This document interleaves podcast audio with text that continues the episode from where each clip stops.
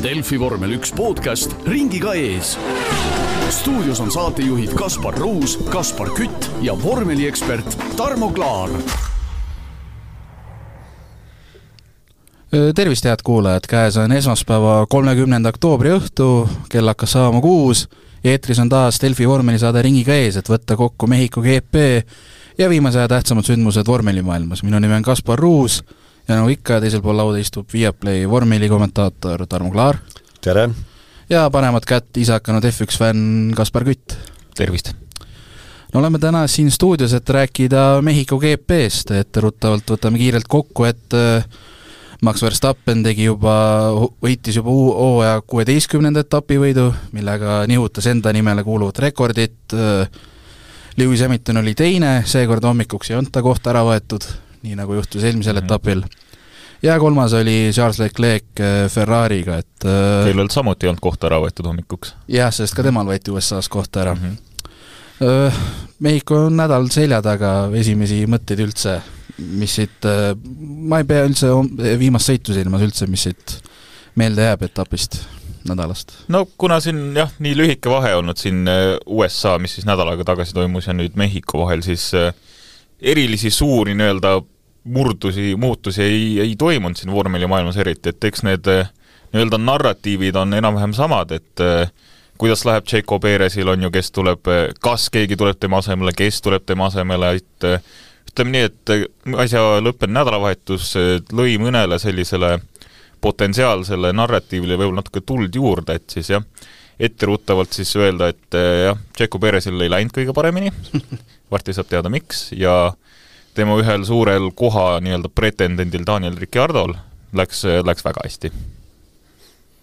no mulle jäi jah meelde see, et no kui sõidust räägime, siis jah, mõningas mõttes siis Perez tegi Hamiltoni äh,, Katar copy-paste ja tõestas äh, Lando Norris, et äh, see jutt, et äh, noh, ka praeguse ajastu vormel ühtedega on väga raske mööda sõita, siis see on lihtsalt lapselallin. Lando sai selle, Lando sai sellega hakkama küll. jah, tõusis siis seitsmeteistkümnendalt kohalt, kus ta startis, tõusis lõpuks viiendaks, et sai ka siis päeva parima sõitja tiitli, et Lando tegi tõesti väga võimsa sõidu aga võtame kiirelt selle vormnädala kokku, et seekord sprinti ei olnud, oli nii-öelda vanakooli programm. Äh, kolm vaba treeningut, äh, kõigil kolmel kiirem Verstappen, esimesel teine Albon, kolmas Perez, teisel teine oli Norris ja kolmas Leclerc ja siis FP kolme esikolmik oli sama, mis esimesel, Verstappen mm., Alexander Albon ja Sergio Perez. vabatreeningute põhjal jäi tõesti niisugune mulje, et et esiteks Williams Alboni kujul on võib-olla isegi seal niimoodi esivii-, esiviisikus vähemalt kvalifikatsioonis või oleks võinud olla, et Albon näitas tõesti, noh, ta on seda, sel hooaeg päris mitu korda ka näidanud päris korralikku kiirust ja eriti just eh, kvalifikatsioonis ka, et eh, noh, seal jäi küll niisugune mulje, et eh, Williams võib päris korralikult paugutada, aga kvalifikatsioonis kahjuks siis läks nii jah, et Albon oleks juba kolmandasse kvalifikatsiooni jõudnud, aga tema kõige kiirem ring siis tühistati selle tõttu, et ületas siis rajapiire. nagu, nagu ikka sel hooajal on kombeks väga paljudel sõitjatel.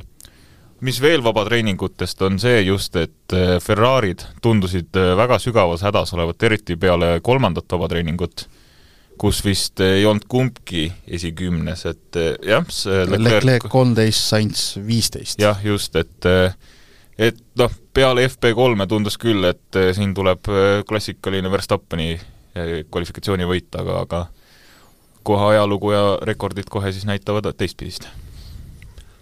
No mis seal vabatreeningute järel oli huvitavat, mõningas mõttes minu jaoks oli see, et tundus nagu oleks Aston Martini suured juhid, õpetajad meie podcasti kuulanud. No. ja, ja eriti mind. Sellepärast mäletan selgelt, olema, hoolimata oma kõrgest vanusest, et ma rääkisin sellest, et ma ei saa kuidagi aru, et äh, kuidas tuuakse uued igasugused auto uuendused, aerodünaamilised lahendused sprindi nädalavahetuseks ja siis äkki ollakse sellised üllatuse kehastused, oi, meil pole aega, ainult üks vaba treening on. püha müristus, kuidas me nüüd saame selle auto seadesse? ja nüüd siis Aston Martini suured juhid, õpetajad ütlesid, et enam ei tee nüüd enam nad ei too uuendusi siis, kui on sprindi nädalavahetus. püha müristus, kus see kirgastumine nüüd toimus siis? no minu jaoks täiesti käsitamatu, et kas te olete esimest päeva vormel ühes või? ise te olete nõus olnud kõik selle äh, sprindi nädalavahetuse formaadiga ja nii edasi. ja noh, seal on teisigi selliseid äh, totakaid äh, fraase olnud äh, seo-, seoses sellesama sprindi nädalavahetusega ja seoses sellega, et äh, ei ole, ei ole aega üheks, teiseks, kolmandaks asjaks, nii et äh, lõpuks ju asi päädis jälle sellega, et äh, autosid äh, võistluseks seadistati jälle ümber. et äh, ei saanud nad kuidagi sina peale selle autoga ka seal Mehhikos ja no Mehhiko on, nagu ma ütlesin eelmisel, äh, eelmises saates ka ilmselt, et äh, ta on see kolmas asi ise, iseenesest, see just Mhm. sellepärast, et ta on nii kõrgel. kaks tuhat kakssada meetrit umbes kaks tuhat kakssada meetrit äh, merepinnast ja ja nagu nad seal ütlevad, et äh, autod on äh, sisuliselt aerodünaamiliselt Monaco seades, ehk siis äh, maksimum aerodünaamiline surve, survejõud on seal autodele peale keeratud ja tegelikkuses äh, seda aerodünaamilist surde, survejõudu tuleb äh, vähem kui Monsas. noh, kus on minimaalne see survejõud, et äh, sellised on need erilised olud ja no lisaks sellele veel mootorid, eks ole, kannatavad, turbot küll vähem kui vabalt hingavad, tänapäeval on turbohübriidmootorid, aga mis veel seal vabatreeningutel torkas silma, et ja seda siis ka Briti või selle vormel üks ametliku lehe kommentaatorite poolt, et äh, tunduski olevat Williamsi ja ka Alfa Romeo kiirus päris mm. -hmm. et see ei olnud selline ühe ringi ime, et mingi, mindi lihtsalt püüdma ühte head ringi, vaid paistiski, et äh, neil ongi hästi. no just jah, nii-öelda ka võistlussimulatsioonidel tundus jah, et, et Alfa, Alfa Romeo ja Williams võivad mõlemad siin olla tõesti heal, heal päeval poodiumil isegi lähedal, et, et see tõesti andis selliseid seadis kõrgeid, lootused päris kõrgelt üles nädalavahetuseks, jah. ja, ja siis jällegi miljonite lemmik või miljardite lemmik Günter Steiner va-, valas kohe kapaga külma vett kõigile Haasi fännidele krae vahele, ütles, et meie auto on siia rajale täiesti sobimatu. no siin vaatame a la kolmas hooajatreening, Kevin Magnussen üheksateist, Hülkenberg kuusteist. jah. No siit ongi sujuv minna kvalifikatsiooni juurde, kus sa nagu juba mainisid, et tuleb tavapärane Verstappeni see, tegelikult tuli kuidas ma ütlen, Ferrari siis noh, ma ei saa öelda ma ei tea, kaksikvõit on vist vale öelda kvalifikatsiooni kohta, aga noh, tehniliselt õige, et kaks, kaks Ferrarit esireas jah ja., esirea kinni pannud. et teist etappi järjest oli jah, Leclerc kvalifikatsiooni kiireim, talle järgnesid Sainz, Verstappen ja neljandana Danny Ricciardo Alfa Taurilt, et äh, Ricciardo näit-, üllatas nii-öelda meeldivalt, ma arvan, usun, et paljusid. jaa, absoluutselt jah, et see Ricciardo ja Alfa Tauri üldse kiirus tuli küll kui nagu välk täiesti selgest taevast, et nemal, neil ei olnud küll mingit sellist erilist näitajat ka vabatreeningutel ei tundunud justkui, et nemad peaksid siin kusagil esikümne lähedal või esiviisikus vähemalt olema, et Ricciardo justkui puhtalt omaenda sõiduoskuste pealt volus selle neljanda koha välja, et see oli täiesti super vaadata selles mõttes, et Ricciardo on, teda võib nüüd juba pidada ikkagist üheks enim kogenumaks meheks praegu siis F1 sõitjate seas ja ja täna ta näitas ka. aga kvalifikatsiooni esimesest voorust ei pääsenud edasi Lando Norris, mis, mis oli selline väga suur, väga suur üllatus tegelikult, sest kiirust mehel jagus küll, nagu me, noh, me kõik teame, et missugune oskus Norrisel on, et et temal läks vist niimoodi, et ta ei saanud oma esimest nii-öelda, esimesi kiireid ringe sõita, kollaste lippude pärast äkki vist oli, midagi taolist. kõigepealt seal oli küll tehniline rike tal, et auto mm -hmm. ei saanud kütust kätte mm, -hmm. see probleem suudeti boksis lahendada mm. -hmm ja siis hakkas muu tants ja trall pihta, et olid kollased lipud, ise tegi sõiduvea ja, ja, ja ringiaeg tühistatigi. jah, päeva lõpuks ta vist isegi tunnistas ja et tegin ja. lihtsalt ise lolli sõiduvea ja sellepärast ma alustangi siis, noh, lõpetasin kvalifikatsiooni viimasel kohal. aga see kvalifikatsioon, mis näitas tegelikult, ütleme just Alfa Tauri osas, et äh, oli nende kiirus ka reaalne, sellepärast et kui seal vabatreeningutel juba nad ju harjutasid, eriti kolmandal vabatreeningul Tsunodaga koos, Ricciardo, harjutasid selle tuule toe andmist stardi-finiši sirgelt Tsunoda poolt Ricciardole, sellepärast et Tsunodal oli seal praktiliselt ju terve auto välja vahetatud ja ta pidi nii ehk naa võistlejate rivi sabast startima, siis kui võib öelda, et Tsunoda vedaski Ricciardo sinna kolmandasse kvalifikatsioonivooru, siis kolmandas voorus ei aidanud äh, Ricciardot mitte keegi. ja ise mees olema. ja tuli, tuligi see neljas aeg. ja teisipidi jälle äh, Ferrarid, minu meelest siin on näide, näide sellest, et äh, seal siiski on mõtlevaid inimesi veel alles ja see kolm vaba treeningut läkski asja ette mm, -hmm. et prooviti ühte, teist, kolmandat ja siis lõpuks otsustati mingi neljanda versiooni kasuks ilmselt, sellepärast et mehed olid ju ise sellised Ab üllatuse kehastused. absoluutselt, me terve Ferrari meeskond oli, et ja. kuidas, kuidas me nüüd sellise asja tegime, et esimesed kaks kohta meie käes on. ja kust see kiirus nüüd äkki tuli ja, ja Verstappen ise ka oli hämmingus mm. -hmm. ja mis veel seal, kui, mis seal on, äh, ringiaegade võrdlus seal hullu ei tundunud, Perez viies, Verstappen kolmas ja ajaline vahe ju ei olnud nüüd äh, nii väga drastiline seal aga selle teebki pulliks see, et sinna vahele mahtus ära Ricciardo. jah, jah, justkui märgiline on ju, et aga Alfa Romeod mõlemad esikümnes siis ja. Eh, mida ka liialt tihti ei juhtu. ja mida absoluutselt mitte ei juhtu väga tihti jah, et nii-öelda sõiduks olid neil, olid neil väga head eeldused tõesti, jah. Nojah, Valteri Bottas üheksas eh, show, Guan Yu show kümnes, aga jälle jah, kes nii-öelda jätkuvalt oma kiiruse ära kaotanud ja otsivad seda tagasi Aston Martin, et Stroll mis ta meil oli, Lance Stroll kaheksateist ja Fernando Alonso ei jõudnud taas Q üht, Q kolme tähendab, noh, seal ta tegi ise pani, pani, pani ka spinni jah, piruetti, et mhm. temale läks siis kolmeteistkümnes aeg. jah, Lance Stroll pole vist nüüd ju viis-kuus etappi esimesest kvalifikatsioonist välja pääsenud. kusjuures Aston Martiniga on selline huvitav lugu, et kui seal hooaja alguses nad hästi kiired olid ja äh, mis, mis ta nimi siis on meil, Dan Fallows jah, kes äh, oli varem justkui siis Adrian Newey parem käsi seal Red Bullis, tema nüüd on põhimõtteliselt tehnikadirektor samas positsioonis, nagu Adrian Newey on Red Bullis, on tema nüüd Aston Martinis ja hooaja algul tundus, et ongi õige mees õigel kohal, siis praegu paistab tõesti, et võib-olla on umbes hoopis see teema, et pimekana leiab ka tera ja alguses noh, joppas võib-olla, et ja nüüd pärast lihtsalt ei osata seda õiget rada valida. Ja teine asi, mis on seal otse välja öeldud, minu meelest pärast äh, eelmist etappi võistkonna poolt öeldi välja, et äh, nad tõlgendasid äh, või ei, nad ei tõlgendanud valesti, vaid nad, see oli kuidagi minu jaoks veidi äraspidine ütlemine ja totakas, et kas nad kasutasid oma simulatsioonivahendeid valesti.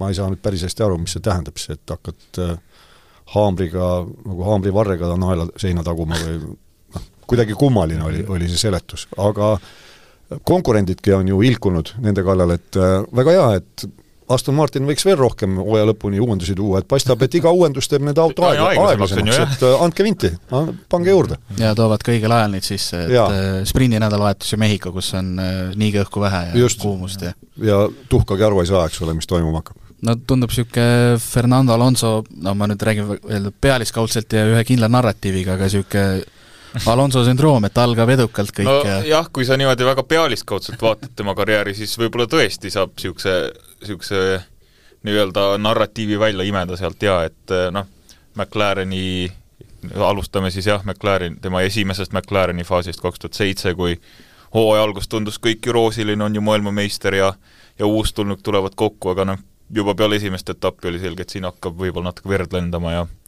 jah, see Alonso esimene McLareni siis nii-öelda karjäär kestis kõigest ühe aasta, no Ferraris ka ju tegelikult ta oli kõik alguses väga roosiline, ta isegi võitis oma esimese etapi Ferrari eest, aga, aga siis jah, asi läks noh, kohe kui, kui auto ikkagist ei käitu nii, nagu Alonso tahaks, siis tegelikult ta on alati olnud üsnagi, üsnagi vali oma kriitikaga selles mõttes jah, et tema ei hoia tagasi ennast ja ja paratamatult see ei meeldi ka väga paljudele selles mõttes jaa, ka tiimi sees, et sealt need sellised tiimisisesed pinged juba tekivad ja siis need omakorda keevad üle ja siis noh, niimoodi see vaikselt lähebki lõpuks, jah jah, mitte et ma tahaks öelda, et nüüd Alonso on Aston Martini hädades süüdi, sest tema need nagu üheksakümmend viis protsenti punkte on toonud. Ja, ja tegelikult ju Lance Stroll on siin viimastel etappidel palju nii-öelda mm -hmm. pingeid tekkinud, väljasõidud, see, oli see nüüd USA-s või kus ta tujutses seal rooliviskas? see oli vist etapp enne, see oli Kataris vist, kus ta jaa, see oli Kataris, oma treenerit tõukas jah, ja kõike tegi, jah aga mis Alonsosse puutub, hooaja algul, kui kõik, kõik läks hästi, siis oli ju lausa kummaline vaadata, et mehel on mingisugune täielik ümbersünd toimunud mm. -hmm. see oli mainitud saadetes ka. ja, jah, kiitis Mees, kõiki, on ju meeskonnamäng ja kõik selline positiivsuse ja, ja. kehastus mm, -hmm. aga nüüd paistab, et vana Alonso jälle tagasi mm, -hmm. kes lähtub põhimõttest, et kust vigane laita, seal tule ja laida mm. -hmm. et äh, kui ta seal äh, teist korda McLarenis oli ja Honda mootor oli neil kasutusel, mis tõesti oli kehva tol ajal, siis see on ju legend, mismoodi Suzukas mees, kus kohas, Suzukas, Honda kodukamaral sa paned noh, nii-öelda otse-eetrisse ai, ai, ai, GP2 mootor, GP2 mootor, kõik Honda isad on kohal. just seda nad sinult ootasid, seda tunnustust nad ootasid sinult. ehk siis praeguses mõistes selgituseks F2 mootor? jah, oli mm. -hmm. siis oli ta veel GP2 ja nüüd on vormel kaks. nojah, lühidalt Alonso niisuguse sündroomi kokkuvõtteks siis jaa, et eh, seniks, kui auto on väga hea, siis on Alonso rahul ja kohe, kui midagi hakkab pihta, siis, siis hakkab ka kriitika pihta. aga kui kvalifikatsioon sõidetud sai, siis eh, minu pisikeses peas hakkas kohe veerema see, et eh, teatavasti Mehhikos see stardisirge on lõputu, tohutu pikk.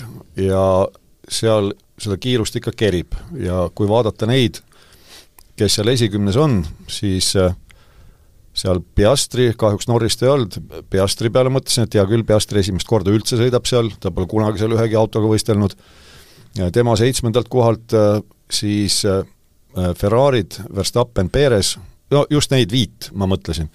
et äh, need on mehed, kes on sellistes autodes, mis sirgetel on kiired, viimastel etappidel olnud, selgelt.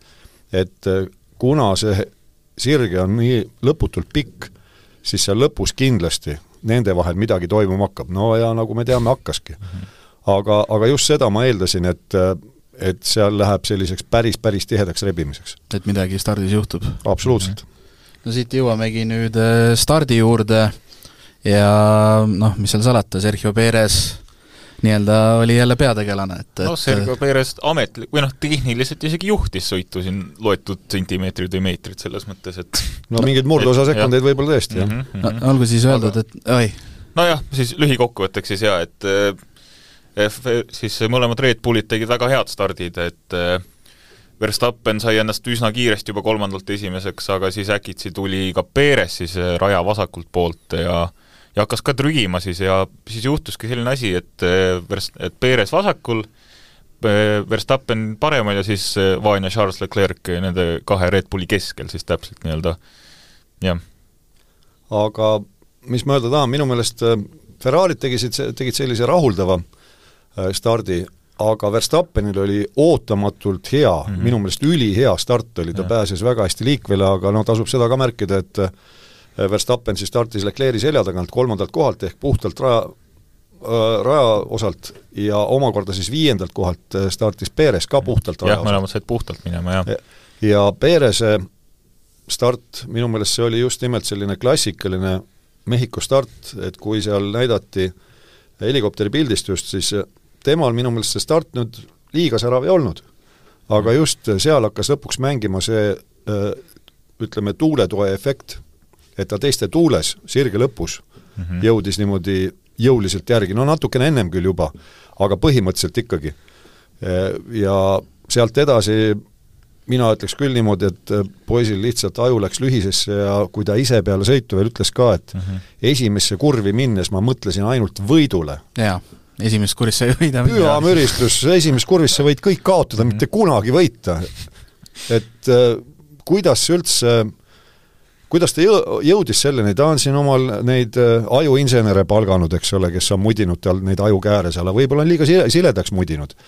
Äh, et äh, ei ole tal ikkagi kain-, kainet mõistust ja oma kodukamaral ka veel, no ta on seal ju, nagu sa ise rääkisid, et ta on no, täielik jumal, täielik jumal, eks ole. ja nagu me pärast etteruttavalt öeldes äh, audastamise tseremoonia ajal ka nägime, noh, buu karjuti seal Leclerc'ile, oota, mille eest? vaene Leclerc, kes ei teinud mitte midagi kellele keerati peale ja kellele keerati tuimalt peale. ja kui me nüüd mõtlemegi tagasi, siis Perez tegi copy-paste seda, mida tegi stardis äh, Hamilton Katari etapil. ja seda ütles ju Hamilton ka ise minu arust või? see olnud seal kuulda ruumis, et või võib-olla jah, isegi, võis jah. olla jah. ma just ka nägin, Jah. tõsi, ma nägin seda sotsiaalmeedias, võib-olla seal pandi juurde midagi, aga mulle jäi mulje, et Hamilton olevat öelnud, et näe, ma tegin Kataris sama või noh, see võis olla ka välja mõeldud, aga aga põhimõtteliselt olnud. ausalt öelda me siin nüüd vastu, vastu tulles nii-öelda fännide soovidele, siis oleme viimasel paaril etapil proovinud vaikida sel ajal, kui nad seal äh, higistamisruumis on või rahunemisruumis või kuidas keegi soovib seda nimetada, austamiselises ruumis, aga isegi meil, kommentaatoritel, kui meil on klapid peas, see heli on nii kõikuva kvaliteediga, väga raske kuulda ja ausalt et äh, jah, isegi et- klapid jah. peas seekord oli väga raske aru saada, mida nad seal rääkisid. seekord oli küll iseenesest jah, aga ma jah, ma nägin ka pärast seda, et aga Peresist veel, noh, see on nüüd puhas spekulatsioon ja nii-öelda netikommentaatorite jutt, aga on niisugune variant, et eh, võib-olla tal on juba ära räägitud, et noh, Red Bullis sul enam kohta ei ole, et eh, vaata ise, mis saab ja siis Peres äkki lihtsalt mõtleski, et noh, viimane võimalus üldse midagi veel kunagi nii heas tiimis kui Red Bull teha, et annab veel ühe korra viimast ja vaatab, mis saab, et tõesti mõtles ainult võidule. no kõige aga puhas spekulatsioon muidugi.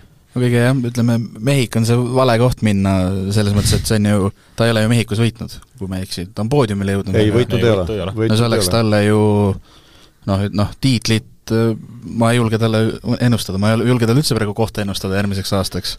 Aga no kui ta saaks kodupubliku ees selle võidu kätte, see oleks nii-öelda the next best thing, ma arvan, tema Mhm. jaoks. aga veel kord, kui mõelda selle peale, et äh, ta ju teab, milline on Mehhiko rada, kõik trumbid põhimõtteliselt on sellel rajal tänasel päeval Red Bulli käes. see on ju teada, kui efektiivne on nende DRS ehk siis siis ringtakistuse, takistuse vähendamise süsteem. Auto tuleb nagu kuum nuga läbi sulavõi. Võta rahulikult, no mis mis siis, lõpetad esimese ringi neljandana, aga sul on veel seitsekümmend ringi aega, seitsekümmend ringi on aega. Kuhu, kuhu sul kiiret on, tark ei torma ju. et selles mõttes äh, täiesti kipsis ajuga vend, et ma küll ei näe, mil moel ta võiks oma koha säilitada seal Red Bullis. Ja miks ta peaks üldse. Nojah, võib see- öelda, et hooaja algul hea küll, ta võttis kaks etapivõitu ja tema, tänu temale ikkagi muuhulgas on Red Bull nüüd ennetähtaegselt võitnud konstruktorite karika sel hooajal ja kõik, aga ikkagi kõik see ülejäänud hooaeg, kaks kolmandikku, on ju täielik fiasko. Absoluutselt jaa, ta noh, ega ausalt öeldes pea, peale tema seda Miami võitu või või jah, Miami's oli küll, siis pärast seda ega ta ei ole põhimõtteliselt mitte midagi teinud, mida ei suudaks mõni mõni teine niisugune vägagi hea, no kas või Ricciardo teha, et, et selles mõttes jaa, ma arvan, et Red Bull ei mõtle ka tegelikult päris pikalt või on juba otsuse tegelikult ära teinud, et tõesti Peresil o- tundub väga raske, raske on olla optimistlik tema, tema lootuste suhtes. no Perez tõestas oma väärtust eelkõige kaks tuhat kakskümmend üks, kui ta Verstappenit aitas omajagu seal tiitlit Jaa, Abu Dhabis on ju, jah, no Abu Dhabis ka, aga üldse ka, et seal Mm -hmm. punktidega ja, ja kas või Hamiltonilt punkte midagi ära võtta või takistada teda sõitudes. et aga jah, praegu küll ei näe, et äh, ei tea jah, teistpidi nagu kahju, sest mulle on Perez meeldinud alati, aga kuidagi tundub tõesti kuidagi eksinud mees no nagu aga praegu. iseenesest on ju tegelikult tal juba päris pikk karjäär selja taga, et eh, mis tal on kaksteist aastat, tegelikult juba neli last ka, selles mõttes, et eh, noh, ei ole ka kõige, kõige häbiväärsem lahkumine. Nojah, kui, kui kui see nüüd- tõesti tuleb. kui nüüd hakata siin Enzo Ferrari ideoloogiat ajama, siis ta on ringi peale neli sekundit aeglasem nüüd. sest kadunud Enzo Ferrari ütles, et äh, iga laps aeglustab Sekundi- sõitjat sekund ringi peal. ja nii noh, et kujutage vaid ette, kui ta poissmees oleks, küll paugutaks. no siis oleks äh, võib-olla üks võit rohkem. aga igastahes jah, sõidust äh, noh, Verstappen läks, Verstappen hakkas vaikselt eest ära minema, kes seal teiseks jäi, siis Leclerc oli teine alguses, on ju, Hamilton kolmas-neljas, kuidas seal see vist oli, minu arust olid tegelikult Ai, Leclerc ja. Sainz oli. Sainz oli Leclerc'i taga ikka päris pikka aega ja et ja Leclerc oli vigase autoga, et tal see esitiiva vasak Mhm, plaat mhm. oli lõpuks murdus küljest ära. aga justkui ei teinud mitte mingit kahju tema ringiaegadele, see väike, see väike tükike, mis ära tuli. eeldatavasti midagi ikka tegi, võib ainult ette kujutada, et mis oleks olnud, kui see tükk oleks küljes olnud. ja huvitav oli see, et äh, kohtunikud teate, jah, ta sai siis kokkupõrkes Peresiga läks see esitiib, sai kannatada, aga kohtunikud teadsid, et nad hakkavad alles uurima seda pärastsõitu, te olite ise Viaplay eetris suhteliselt kriitilised, et miks siis nagu pärastsõitu alles, et, et kõik sõidu ära ja siis alles pärast võib tulemus minna ja no täiesti arusaamatu, sellepärast et terve sõit oli ju ees. mis mõttes pärast sõitu, ma saan aru, pärast sõitu arutate siis, kui mõlemad vennad on pühkunud rajalt. mm -hmm. siis muidugi, mis seal praegu arutada. kumbagi rajal ei ole, pärast rahulikult võtame, vaatame läbi. aga üks mees on ju veel rajal ja võitleb poodiumikoha eest.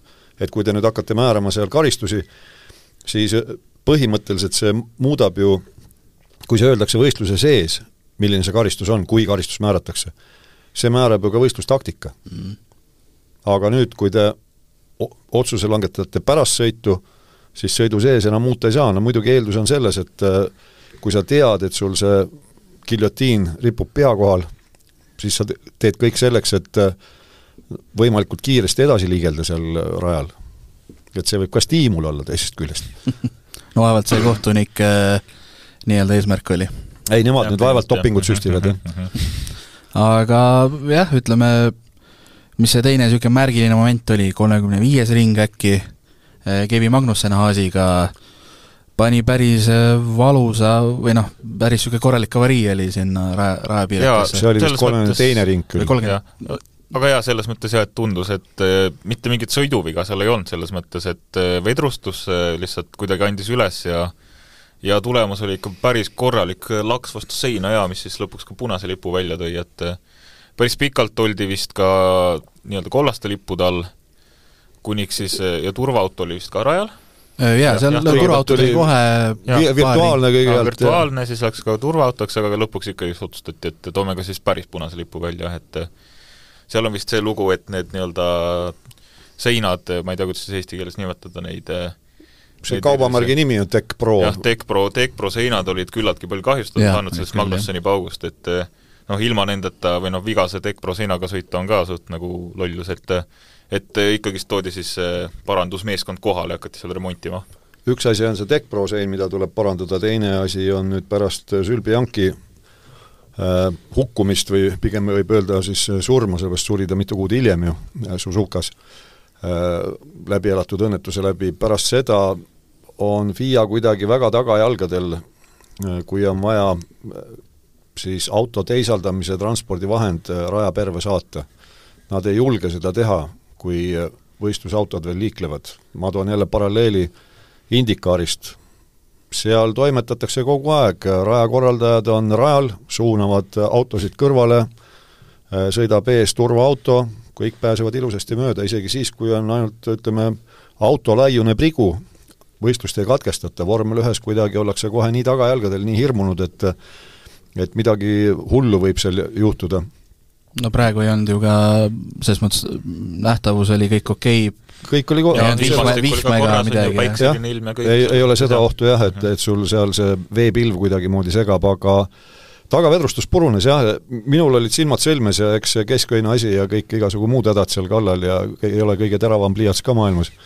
nii et mulle algul tundus, et parempoolne tagavedrustus läks, aga tegelikult läks vasakul ja, pool ja äh, seal mis siis võistkond takkajärgi ütles, et tal oli üsna võistluse algfaasis tegelikult Magnussenil olid piduriprobleemid ja just tagavasak pidur kuumenes üle. ja seal neid pidurite ülekuumenemise probleeme oli ka muuhulgas Russellil, kes seal vahepeal küll ründas nagu Sainz, aga siis pidi tagasi tõmbama, sellepärast et pidurid kuumenesid üle ja mootor ka. sama tegi ka Hamilton tegelikult päris mitmel korral, kui ta nii-öelda sõidujoonelt pööras kõrvale ja et autot maha jahutada. jah, ja võtti, võttis, lasi ka pikema pikidistantsi mm -hmm. seal vahele. aga siis lõpuks oligi, et äh, seal äh, taga vasakul vedrustuse juures läks temperatuur nii kõrgeks, et see vedrustus andis järgi, aga seal ma, ma ise tikun arvama, et seal mitte üksi see kuumus, seal pidi mingite asjade koosmäng olema, et kas oli ka võib-olla detaili mingi defekt, siis üle äärekivide selline raju sõitmine kuumus, no kõik asjad mängisid kokku. jah, ja olgu siis öeldud, et Kevin Magnussen viidi nagu selliste avariide puhul ikka arstlikku kontrolli, et äh, enam-vähem noh, nii-öelda tunnistati kohe terveks, aga jäeti veel jälgimise alla tolleks hetkeks no,. peale seda, kohe peale seda avariid tundus küll, et ta natuke nii-öelda raputatud on, mis muidugi no, täiesti loogiline ka, on ju täiesti. mitu G-d seal oli. ja just jah, et ikka pidi seal korra maha hiitma ja, ja rahulikult endal telepilt äh, petab ära kiiruse, kõrguse ja kõrguste ja. vahe ja mm, -hmm. ja kauguse, et seal on väga raske aru saada, mis tegelikult toimub, ma ikka toon seda näiteks, kui ma aastaid tagasi käisin MotoGP etapil Misanos ja siis mul poeg oli oma sõbraga kaasas ja, ja poja sõber, kes ise baigiga, noh küll tänaval oli sõitnud siin ja hullu pannud, vaatas suu ammuli, no reaalajas siis seda, mis toimus seal vabatreeningutel ja siis ütleb, et täitsa hullumaja, mis toimub, et oota, et mis klassi rattad need on, siis ma pojaga peaaegu koolis ütlesime, et need on Moto3-d, need on kõige aeglasemad mis veel edasi saab? mis veel edasi saab, jah. Soovitan alati kõigile, et eh, kes on siin need tugitoolisportlased, mootorispordi huvilised, minge vaadake, minge vaadake Rally Estoniat, isegi siis, kui R5-d ainult sõidavad järgmine aasta. minge alati, kui võimalus on, minge raja äärde, kui on võimalus MM-i minna vaatama ring, autot, motot, mida iganes, siis te saate alles selle õige ettekujutuse, mis kiirustega tegu on. muidu istud tugitoolis, seal viskad popkorni suhu, vahepeal vaatad kõrvale, viskad kõrva ka popkorni, ja siis, ja siis ütled, siis ütled, noh, Hamilton nii loll, mis ta niimoodi tegi, on ju. jah, piimamehed seal, eks ole.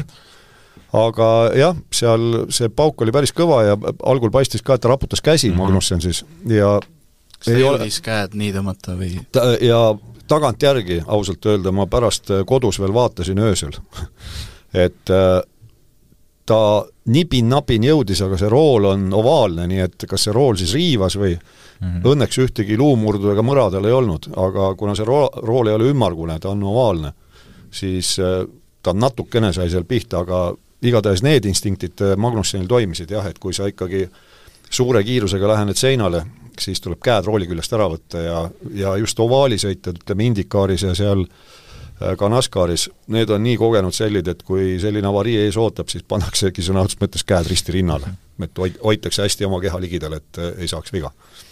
Ja pärast paarikümneminutilist, äh, oli umbes paarkümmend minta pausi, sõit jätkus uuesti paigalt stardist ja siis Leclerc seal pausi ajal ütles, et nii-öelda kõvade rehvidega, kui siin kõik stardivad, siis saab paras nii-öelda segadus olema.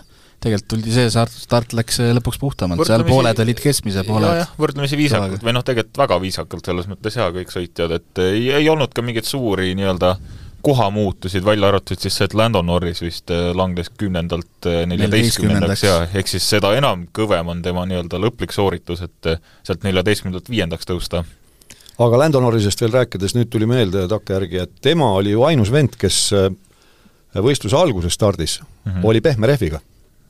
see, mida ma, eelmine etapp siin sarjasin võistkondi, et ei suudeta kastist välja mõelda, McLaren mõtles mm -hmm. ja nüüd, kui siis äh, need punased lipud tulid välja ja tuli kordusstart, siis muidugi kaotajad olid nüüd need, muuhulgas siis Leclerc, ka ka mõlemad Alfa Romeod minu meelest kes kä-, jõudsid käia vahetult enne punaseid lippe. boksis, jah. boksis mm. -hmm. ja seal oligi nüüd takkajärgi ka, küsiti Fred Vasseuri käest, et äkki oleks pidanud siis ikkagi äh, Leclerc'i autole nüüd, äh, mis sest, et need olid seal kaks ringi ainult all olnud või kolm, need kõvad rehvid, reegel oli, oli, kõik oli juriidiliselt korrektne, reegel oli täidetud, äh, startis ta ju keskmise kõvadusega -hmm. vahetati ära. vahetati ära, kaks rehvi kõvaduskomplekti kasutatud -hmm. kõik on jokk oleks võinud uuesti panna keskmise kõvadusega rehvid, siis äh, arvas Leclerc ise ja võistkond äh, Vasseuri suu läbi siis ka, et äh, nad ei uskunud, et vähemalt nende autol see järele jäänud seal jäi no jämedalt no, pool, pool, pool, pool sõitu. Kol-, ütleme kolmkümmend viis oli, mindi rajale, kolmkümmend kuus oli siis stardiring. no siis ongi peaaegu täpselt pool, pool, jah. jah, et nad arvasid, et ei vea välja, et need rehvid kukuvad ära ja sellepärast siis läks ta starti nende samade kõvade rehvidega, mille, millega ta seal rajal oligi ja eks nii mõnelgi teisel oli täpselt seesama kaalutlus mm, -hmm. sama kalkulatsioon, aga nagu me nägime, tuntud viripill Lewis Hamilton, Sir Lewis Hamilton, no neid nutulaule seal ei maksa kunagi tõsiselt võtta, ma ei tea, kuidas ta päriselus on, aga seal aeg-ajalt mul ausalt öelda kõrvad jooksevad vir-, virtsa vett, kui ma teda, tema seda raadiosidet kuulan, et no kasva suureks mm. -hmm. aga ilmselt võistkond on harjunud, see on tema stiil lihtsalt, et seada kõike kahtluse alla, nutta seal vahepeal ja siis lõpuks on kõik amazing, kõik on fantastic, amazing, you are the best. Thank you to the team, thank you everybody. ja, ja, ja kõik on super, hüper, paremini ei saagi olla, vägev, kus me ikka panime. ja seda, noh, seda keskmiste rehvide ärakukkumist kartsid tegelikult ka väga paljud, lisaks Hamilton, et kõik, meil on peaaegu kõik, kes olid selle keskmise peal peale starti, kõik ikka mingil hetkel tulid raadiosse ka, et no kuule, ei ole päris kindel, kas nad veavad siin lõpuni välja, aga pidasid vastu. aga kõik pidasid vastu jaa, selles mõttes, et tuleb välja, et Hamilton sai paar ringi pärast kordusstarti Leclerc'ist mööda, siis Leclerc'ile öeldi, et umbes viis ringi ja, umbes viie ringi ennustame, et siis hakkavad kõik mees ära kukkuma. aga tegelikult aga... oli fakt see, et Leclerc ei püüdnudki enam Hamiltoni kinni. ja fakt on veel see, et Hamilton pani võistluse viimasel ringil üldse kiirema ringi ja. oma, oma keskmist, mis pidid juba kakskümmend ringi tagasi ära kukkuma, nii et nii et pidasid vastu küll no eks igaüks vaatas omaette otsast, et võib-olla, võib-olla seal Ferrari all nad oleksidki ära kukkunud viie ringi pärast. aga nüüd seal pärast kordusstarti minu, minu jaoks ütleme, ma täna veel vaatasin üle selle lühikokkuvõtte, mis seal ametlikul lehel on, see mingisugune seitse minutit, eks see lühikokkuvõte suures osas ko-, koosneski siis äh, nendest Lando Norrise möödasõitudest ja minu meelest see on klassika, see on jälle selline kohustuslik õppematerjal kõigile noortele võidusõitjatele, vaadake, kuidas valmistatakse ette rünnak, kuidas mees sõidab peaga. mõtleb kõik läbi ja siis ründab seal, kus äh, mõningas mõttes kõige vähem oodatakse, nagu see oli see neljas-viies šikaan, seal ta nokkima ei läinud, Russell kattis, sõitis ennast kinni kurvis, ei saanud korralikult välja kiirendada ja ennem kuuendat kurvi plaks kõrvale, isegi mustal rajal osal oli võimalik mööda saada. nii et äh, õppige või nagu öeldakse, et äh, tehke järgi või makske kinni. Lando Norris siis jah, seitsmeteistkümnendalt tõusis umbes esikümnesse, siis langes kordusstardigi neljateistkümnendaks. ja siis hakkas ühekaupa maha noppima ja kuniks, kuniks viiendaks ta tõesti tõusiski ja et noh, kui ei oleks seda nii-öelda kui ta ei oleks siis kvalifikatsioonis oma eksimuse teinud ja kõik oleks tal hästi läinud, siis oleks ütleme nii, et poodium vähemalt selle sõidu põhjal no oleks tundus, vägagi realistlik olnud. tundus jah. reaalne, jah mm. -hmm. ja teine ja kolmas kord, noh, neid ta korjab ka võrdlemisi no, stabiilselt juba, et see oleks olnud siis noh, enne seda praegust Mehhiko etappi oli vist neli poodiumit järjest, nii et jah. Äh, Alfa Taurist tahtsin rääkida, et äh, Daniel Ricciardo startis neljandana äh, ja püsiski stabiilselt lõpuni seal, ütleme, esikuuiku seitsme seas, lõpuks no, saigi tema oli nüüd ka üks ohver tegelikult koha. seal, selle punaste lippude mm -hmm. ohver. aga, aga, aga sellest hoolimata. aga vaatamata sellele jaa, ja mis mulle eriti meeldis, oli see, et Ricciardo veel viimastel ringidel hakkas George Russellit ründama kuuenda koha eest ja ega ei olnud ka üldse kaugel selles mõttes, et korraks oli vahe vist üldsegi vist nagu paar, paar sajandikku, seda sai ikka täitsa lähedal, kahjuks muidugi noh, tuleb äh, laita siin meie kurikuulsat võistlust või noh, võistlusülekande režissööri, kes selle asemel, et näidata siis tõesti põnevat lahingut äh, Russelli ja Ricciardo vahel, kus noh, nad olid, ma eeldan, et nad olid täitsa kõrvuti, nägime seda, kuidas Max Verstappen võitis oma äh, tuhandenda etapi järjest, et, et, et valikud, valikud, mida tehakse. vahe jäi lõpuks Ricciardo Russelli vahel null koma kolmkümmend seitse sekundit. jah, aga mina seal mõtlen, et ma ikka harjutan, et saavutada Kamailiani oskused, et üks silm vaatab ühele poole, teine teisele poole, no hakkab tulema vaikselt, et ma seal veerand silmaga vaatasin ajavõttu samal ajal, kui äh, Verstappeni üle finišijoone veeremist lasti ja ma täitsa nõus, et äh, laske neid kalli-kalli musi-musi uh, mhm. -huh. neid raadioside PR-jutte pärast see ei ole absoluutselt oluline, seal oli vahe oli null koma null midagi mhm, sekundit mm -hmm, vahepeal. ülipõnev heitlus käis nende kahe mehe vahel viimasel ringil. kuuendale kohale. ja siis te näitate värvi kuivamist ma ei saa aru siin võib olla mingisugune lepinguline kohustus ja et noh, on kohustatud näidata seda võid, võidu või finišijoone ületamise hetke, aga seda viimastel aga... ringidel ju no see on ennegi ette tulnud jaa, et kuskil tagapool käib ülipõnev heitlus. just, just, aga siis peame ikka nägema seda finiši, noh, mis iganes kuulsus on seekord meile toodud finišilippu lehvitama, et tõsi ta on, et äh, Verstappen oli kaadris vähe muidugi, aga ise on süüdi, nii pikalt sõitis eest ära aga Alfa Tauri oli ju tegelikult äh, nii-öelda topeltpunktides kinni. oli, aga Tsunoda tegi lollusi. kes ja. ju alustas, ta sai karistada, mis ta oli vist üheksateistkümnes. no igal juhul rivi tagaotsas ta oli jah ja,. jõudis ja. kaheksandaks, maadles seal Piastriga ja seal lõi ta see kannatamatus välja, ma julgeks öelda. No, üsnagi sarnaselt nagu Peeresilgi jah, et keeras lihtsalt keeras lihtsalt tuimalt peale. ja, ja Piastril ei olnud midagi teha, Tsunoda sõit rikutud ja, ja sinna see no ütleme, et kulla väärtusega punktid äh, Alfa Tauri läksid. Ricciardo Tege..., Ricciardo küll päästis siin äh, kuus punkti kindlasti, et Alfa Tauri tõusis ka kaheksandaks nüüd. jah, see, on suur vahe, sest Alfa Tauri tõusis ju viimaselt kohalt kaheksandaks mm, -hmm. neil on Alfa Romeoga sama palju punkte, aga neil on see Ricciardo seitsme, jah, Ricciardo seitsmes koht siis päästabki nii-öelda kõrgema koha arvelt, loetakse neid konstruktorite punkte.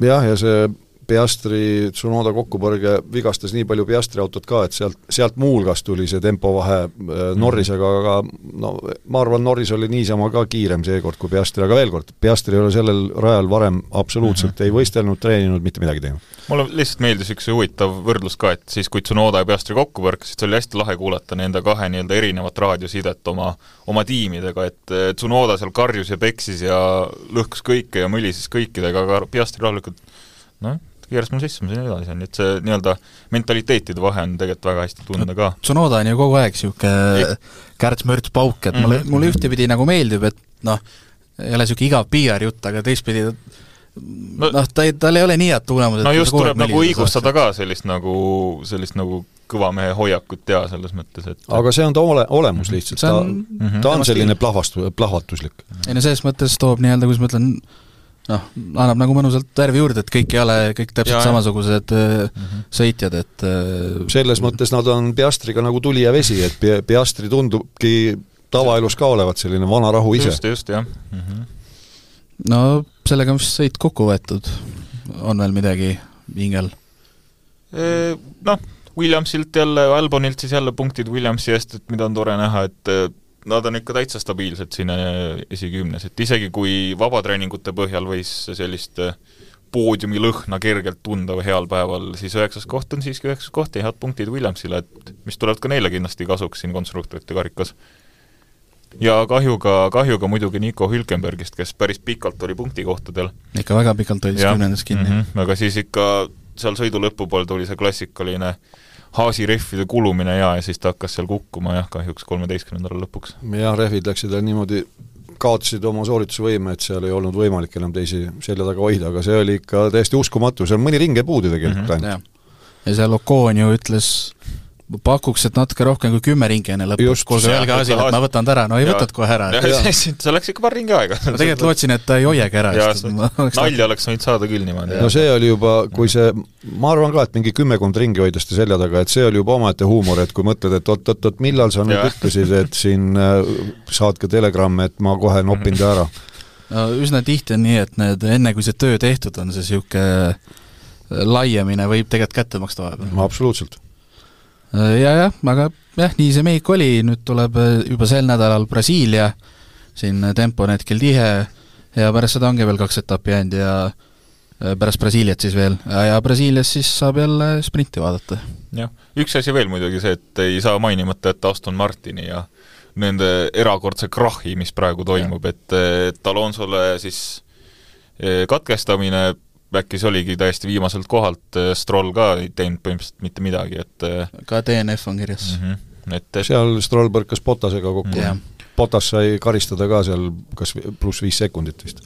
aga seal Alonsol äh, seal noh, ta telepilti noh, igatepidi väga ei mahtunud, sest ta oli seal sõitjate rivi lõpus, aga kas oli seal tehniline või lihtsalt viskas üle, et pandi tundus, et oli tehniline tegelikult, seal nad rääkisid ka pidurite ja mootori ülekuumenemisest, et ikkagi need jahutusprobleemid nii, aga siis F1 teemadel on kõik, aga räägiks ka natuke Indikaarist, et äh, siin eelmisel nädalal selgus, et äh, Rahal Letterman Lanigan Racing on vist õigesti öelda, tiim, kes tänavu andis Jüri Vipsile kaheks etapiks võimaluse, et on vahepeal enam-vähem saanud paika oma uue aasta kolm sõitjat, et Kristjan Lundgaard, Pietro Fittipaldi ja noh, kõikide eelduste kohaselt jätkub ka poeg Graham et äh, Jüri Vips, äh, tiimi siis omanik, äh, oh, mis ta nimi nüüd on, mul on hetkel konspektid sassis. Bobby Reihal. Jah, Bobby Reihal andis intervjuu USA meediale, ütles, et Jüri Vips kuulub nende tulevikuplaanidesse, kuidas täpsemalt hakkab veel selguma, et nad tahaksid tuua välja neljanda auto, võib-olla sinna panna Vips või siis aitab autot testida või saab võimaluse mõnes teises USA, USA sarjas, et Tarmo, sina oled meie nii-öelda USA ekspert, mis, mis võimalusi sa hindad Viipsil, mis vormis ta on uuel aastal seal tiimis? ta on Reihal Lettermann Länigani vormis. Tal on leping ja te vist ei ole kuulanud, ma seal Lõusta raamatusse riputasin üles motoorse raudse lehele ka selle lingi, on The Race, selline portaal, mis ka omaette Indikaari rubriiki peab ja seal on podcast, kus siis äh, sellest on nüüd paar nädalat möödas, selline tunniajaline podcast, kus esimeses pooles räägib Markus Erikson oma võistkonna vahetusest, tema siis siirdus Andretti võistkonda järgmiseks aastaks ja, ja teine pool on siis Vipsist. Ja kui seda kuulata, seda podcasti, siis äh, Vips kõlab seal küll väga, väga enesekindlalt ja ja selli-, selliselt optimistlikult ja seda enam, et tal on, tal on nüüd leping taskus. Ja kui veel vaadata seda, mis siin Bobby Reihal viimasel ajal on öelnud pärast seda, kui Pietro Fittipaldiga see leping sõlmiti, siis kõlab nüüd pahasti muidugi, aga mina ütleks niimoodi, et Pietro Fittipaldi on rahakas sõitja, rahakas ja nimekas sõitja, kes teab, mis suunas rada käib äh,. Ei ole maailma kõige kiirem sõitja. ja kuna Bobby Reihal käis siis äh Road Atlantal, kus sõidetakse legendaarne Petit Le Mans, kus äh, mul on ka siin täpselt kakskümmend aastat tagasi õnnestunud käia, äh, käis seal siis läbi rääkimas võistkondadega, LMP2 sportprototüüpide võistkondadega, et leida koht Jürile selleks puhuks, kui neil parasjagu Jürile tööd anda ei ole, ehk siis testimist või siis ka neljanda autoga sõitmist siis äh, selles mõttes see viitab juba, et äh, Jüri võtab, äh, tähendab, teda võetakse võistkonna poolt väga tõsiselt ja, ja mis veel, seal podcastist välja tuli, see saatejuht ütles, et ilmselt Jüri, sul võib olla väga hea tunne, sellepärast et sul on tohutud toetajad ja mina muidugi tundsin heameelt enda üle, et noh, olgugi et ma maailma kõige targem inimene ei ole, siis mingisuguseid otsi ma ikka suudan kokku viia ja tuleb välja, et enne Portlandi etappi, ennem seda esimest äh, siis äh, Jüri etteastet Indikaaris. Indikaaris jah, selle hooaja lõpus, see eelviimane, eelviimane etapp, siis äh, seal pressikonverentsil Bobby Reihal vähemalt kaks korda kordas, et äh, Vipsi soovitas talle väga hea Euroopa sõber Red Bullis, keda ta usaldab. Ja mul hakkas see vemmeldama peas ja lõpuks viisin otsad kokku, mis seal pattu salata, natukene olen lugenud ka raamatuid, muuhulgas siis kaks korda olen elus läbi lugenud äh, Adrian Newey raamatu How to build a car, mitte racing car, vaid How to build a car. ja sealt äh, jäi mul meelde, aga ei õpi ju raamatut pähe, eks ole. ja ilmselt see kuskil kuklas vemmeldas ja siis võtsin äh, hiljuti uuesti selle raamatu ette, sellesama tema Ameerika perioodi ja oli Adrian Newey tuhande üheksasaja kaheksakümne viiendal aastal Bobby Rehali võistlusinsener.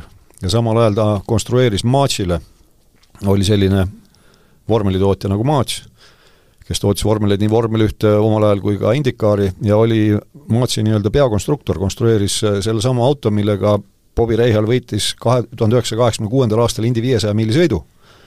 ja mis, millega võideti ka terve sari ja sealt alates neil on kaheksakümne viiendast aastast alates, kui nad olid äh, nagu öeldakse, nagu sukk ja saabas, koos võistluselt võistlusele sõideti mitte lennukiga, vaid mööda maanteed. see on ka üks huvitav nüanss seal, et äh, Newey meenutab, et kaheksakümnendate keskel, hoolimata sellest, et mina siin Tallinna poisina vaatasin ka Tallast ja ma ei tea mida kõike, Ameerika seriaale seal Miami Wice'i ja jäi mulje, et no muud ei tee, toimugi seal, kui kuhugi on vaja minna, siis kohe lennukisse ja minek. mitte midagi sellist, tuleb välja, et Ameerikas see siselendude asi oli veel äh, mitte väga populaarne ja võistluselt võistlusele sõidetigi autotranspordiga mööda Ameerikat ja eks nad seal vennastusid ja noh, üleüldse see keemia tekkis ja hea kontakt ja tuleb välja, et Adrian Newey oligi see, kes tohutult jagas informatsiooni Bobby Reihalile Jüri kohta. nüüd siis, kui kui Jüri otsis kohta siin päikse all, kus, kus võidu sõita, nii et tõesti, Jüri Vipsil on väga-väga kõva selles mõttes äh, seljatagune, et äh, on väga asjatundlikud mehed, kes teda väga kõrgelt hindavad. ja nüüd tuleb siis välja jah, et teda tahetakse kasutada nüüd testidel, järgmisest aastast Indikaarisse võetakse ka kasutusele hübriidmootor, sellele olemasolevale kahe koma kahe liitrisele mootorile poogitakse, turbomootorile poogitakse külge siis no natuke teistsugune hübriidsüsteem, kui on vormel ühel. ja muuhulgas, muuhulgas siis neil testidel tahetakse Jüri kasutada ja no mul on selline tunne, ma ei saa seda kuidagi jälle põhjendada, aga kuidagi mingi ülevalt viies selgroolüli ütleb mulle, et äh, Jüri sõidab järgmine aasta Indikaaris ka, kui palju etappe, vot seda ma nüüd küll ei ütle hetkel. ja äh, jah, äh, Bobi Reihal ütles ka intervjuus, tema enam-vähem põhisõnum oligi, et üks, mis asi me teame, me tahame, et Jüri meil oleks edasi, et jah. aga no nagu sa ütlesid, et Fittipaldi kasuks rääkis siis nagu autospordis väga tihti rahakott sponsorid tagant ja no ütleme, meie vaat-, mätta otsast paraku, teisest mm -hmm. küljest võib-olla on see hoopis hea, et leiti selline rahakott, eh, kes no on ikka natukene kiirust ka näidanud, aga no ta ei ole nüüd eh, selline kõige teravam tipusõitja nojah, loodame siis, et noh, põhi, põhi, mis põhisõnum ongi see, et ei tiim üldse välja, et me tahame hoida teda, et vaatame edasi, võib-olla tuleb mingi a la niisugune pooleldi vaheaasta, noh, ma mõtlen just võidusõidu mõttes, ja, ja. siis saab kaks tuhat kakskümmend, mis meil tuleb, kakskümmend viis äkki võimaluse põhisõitjana. kui vaadata just seda, et äh, pärast Pietro Fittipaldi äh, lepingu väljakuulutamist on Bobby Reihal era-, eraldi pidanud vajalikuks Jürist rääkida, siis see on juba märk, et äh, midagi seal taga on. et ikka hoitakse seal, jah? just mm, -hmm. et neid sõitjaid on ju küll ja veel, kes on teinud noh, üks-kaks etappi kaasa, eks ole. ja tšauki tšau, jah. ja siis on noh no, aitäh ja nägemist, on ju. et mm -hmm. soovime sulle edu uutel väljakutsetel mm -hmm. ja nägemist ja see selle võistlusega lõpeb, aga et pärast veel niimoodi kahe hooaja vahel või pärast hooaega kuu aega räägitakse veel ja, ja just, et võeti see Jüri lepingu optsioon võeti üles, mida ma tean. see ju viitab ka sellele, et midagi tõsist on seal toimumas.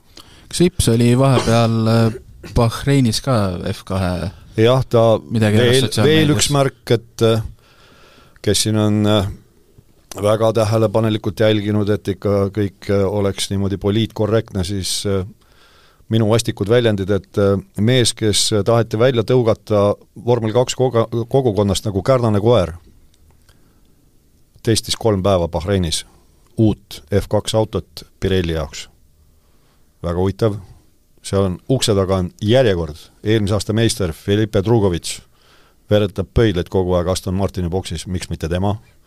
Neid on veel seal. noh, minu meelest see on ka väga kõnekas fakt äh, selle kohta, et äh, kuidas tegelikult selles võidusõidumaailmas Jüri Vipsi hinnatakse. sellepärast, et rehvi testil sul ei ole vaja mitte mingit suvalist venda, üli, see on ülioluline töö. sul on vaja inimest, kes oskab väga hästi täpselt nagu rääkida autost no üks on see, et just see tagasiside mm -hmm. ja ka see, et ta, ta täidab neid korraldusi, saab adekvaatselt aru mm, -hmm. mida mhm. temalt nõutakse, aga just täpselt õige, et, et see tagasiside on ju ääretult oluline. no kui sa lased mingi noh, ütleme lihtsalt kehva rehvi nii-öelda kokku panna lõpuks, see ju tagajärjed võivad rängad olla, et absoluutselt. Paul Oroni kohta, tema osaleb ma ei mäleta, millal see kuupäev oli, aga tema saab osaleda sellel kuulsal Macau GP võidusõidul. aga uue hooaja osas ei ole vist tulnud mingeid ametlikke uudiseid veel? no nende kohta veel ei ole jah, aga Macau on siin läbi aegade olnud selline prestiižne vormel kolme võistlus.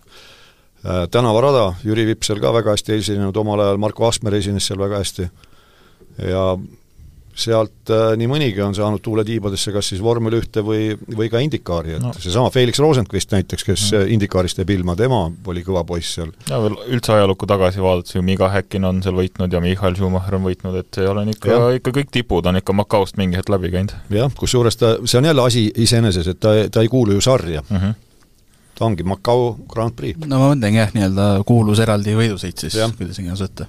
jah aga ma arvan, et tõmbame sellega selleks korraks saatele joone alla, et kuigi alguses tundus, et FS kõik muutusteta ikka tuli mitte päris tunnine saade, aga juttu jagus. nii, aga oleme tagasi järgmisel esmaspäeval ilmselt jälle, sest et Brasiilias sõidetakse jälle õhtupoole, tõsi, mitte nii hilja, seal hakkab pühapäeval sõit äkki kell kaheksa Eesti järgi või Kas kell seitse? seitse vist oli start, no peab täpsustama ja, siin aga, aga igal juhul mõistlikum selles mõttes, jah, igal juhul mõistlikum. no võib-olla mul on ka siis selgem, et saan paremini aru, silma, silmavaade selgem, et kas on parem tagavedrustus või vasak, et äh, eks ma püüan ennast parandada. aga püüa, aga jah, sellega tõmbame saatele joone alla, aitäh kuulamast ja kohtumiseni järgmine kord! järgmise korrani! nägemist! Delfi vormel üks podcast ringiga ees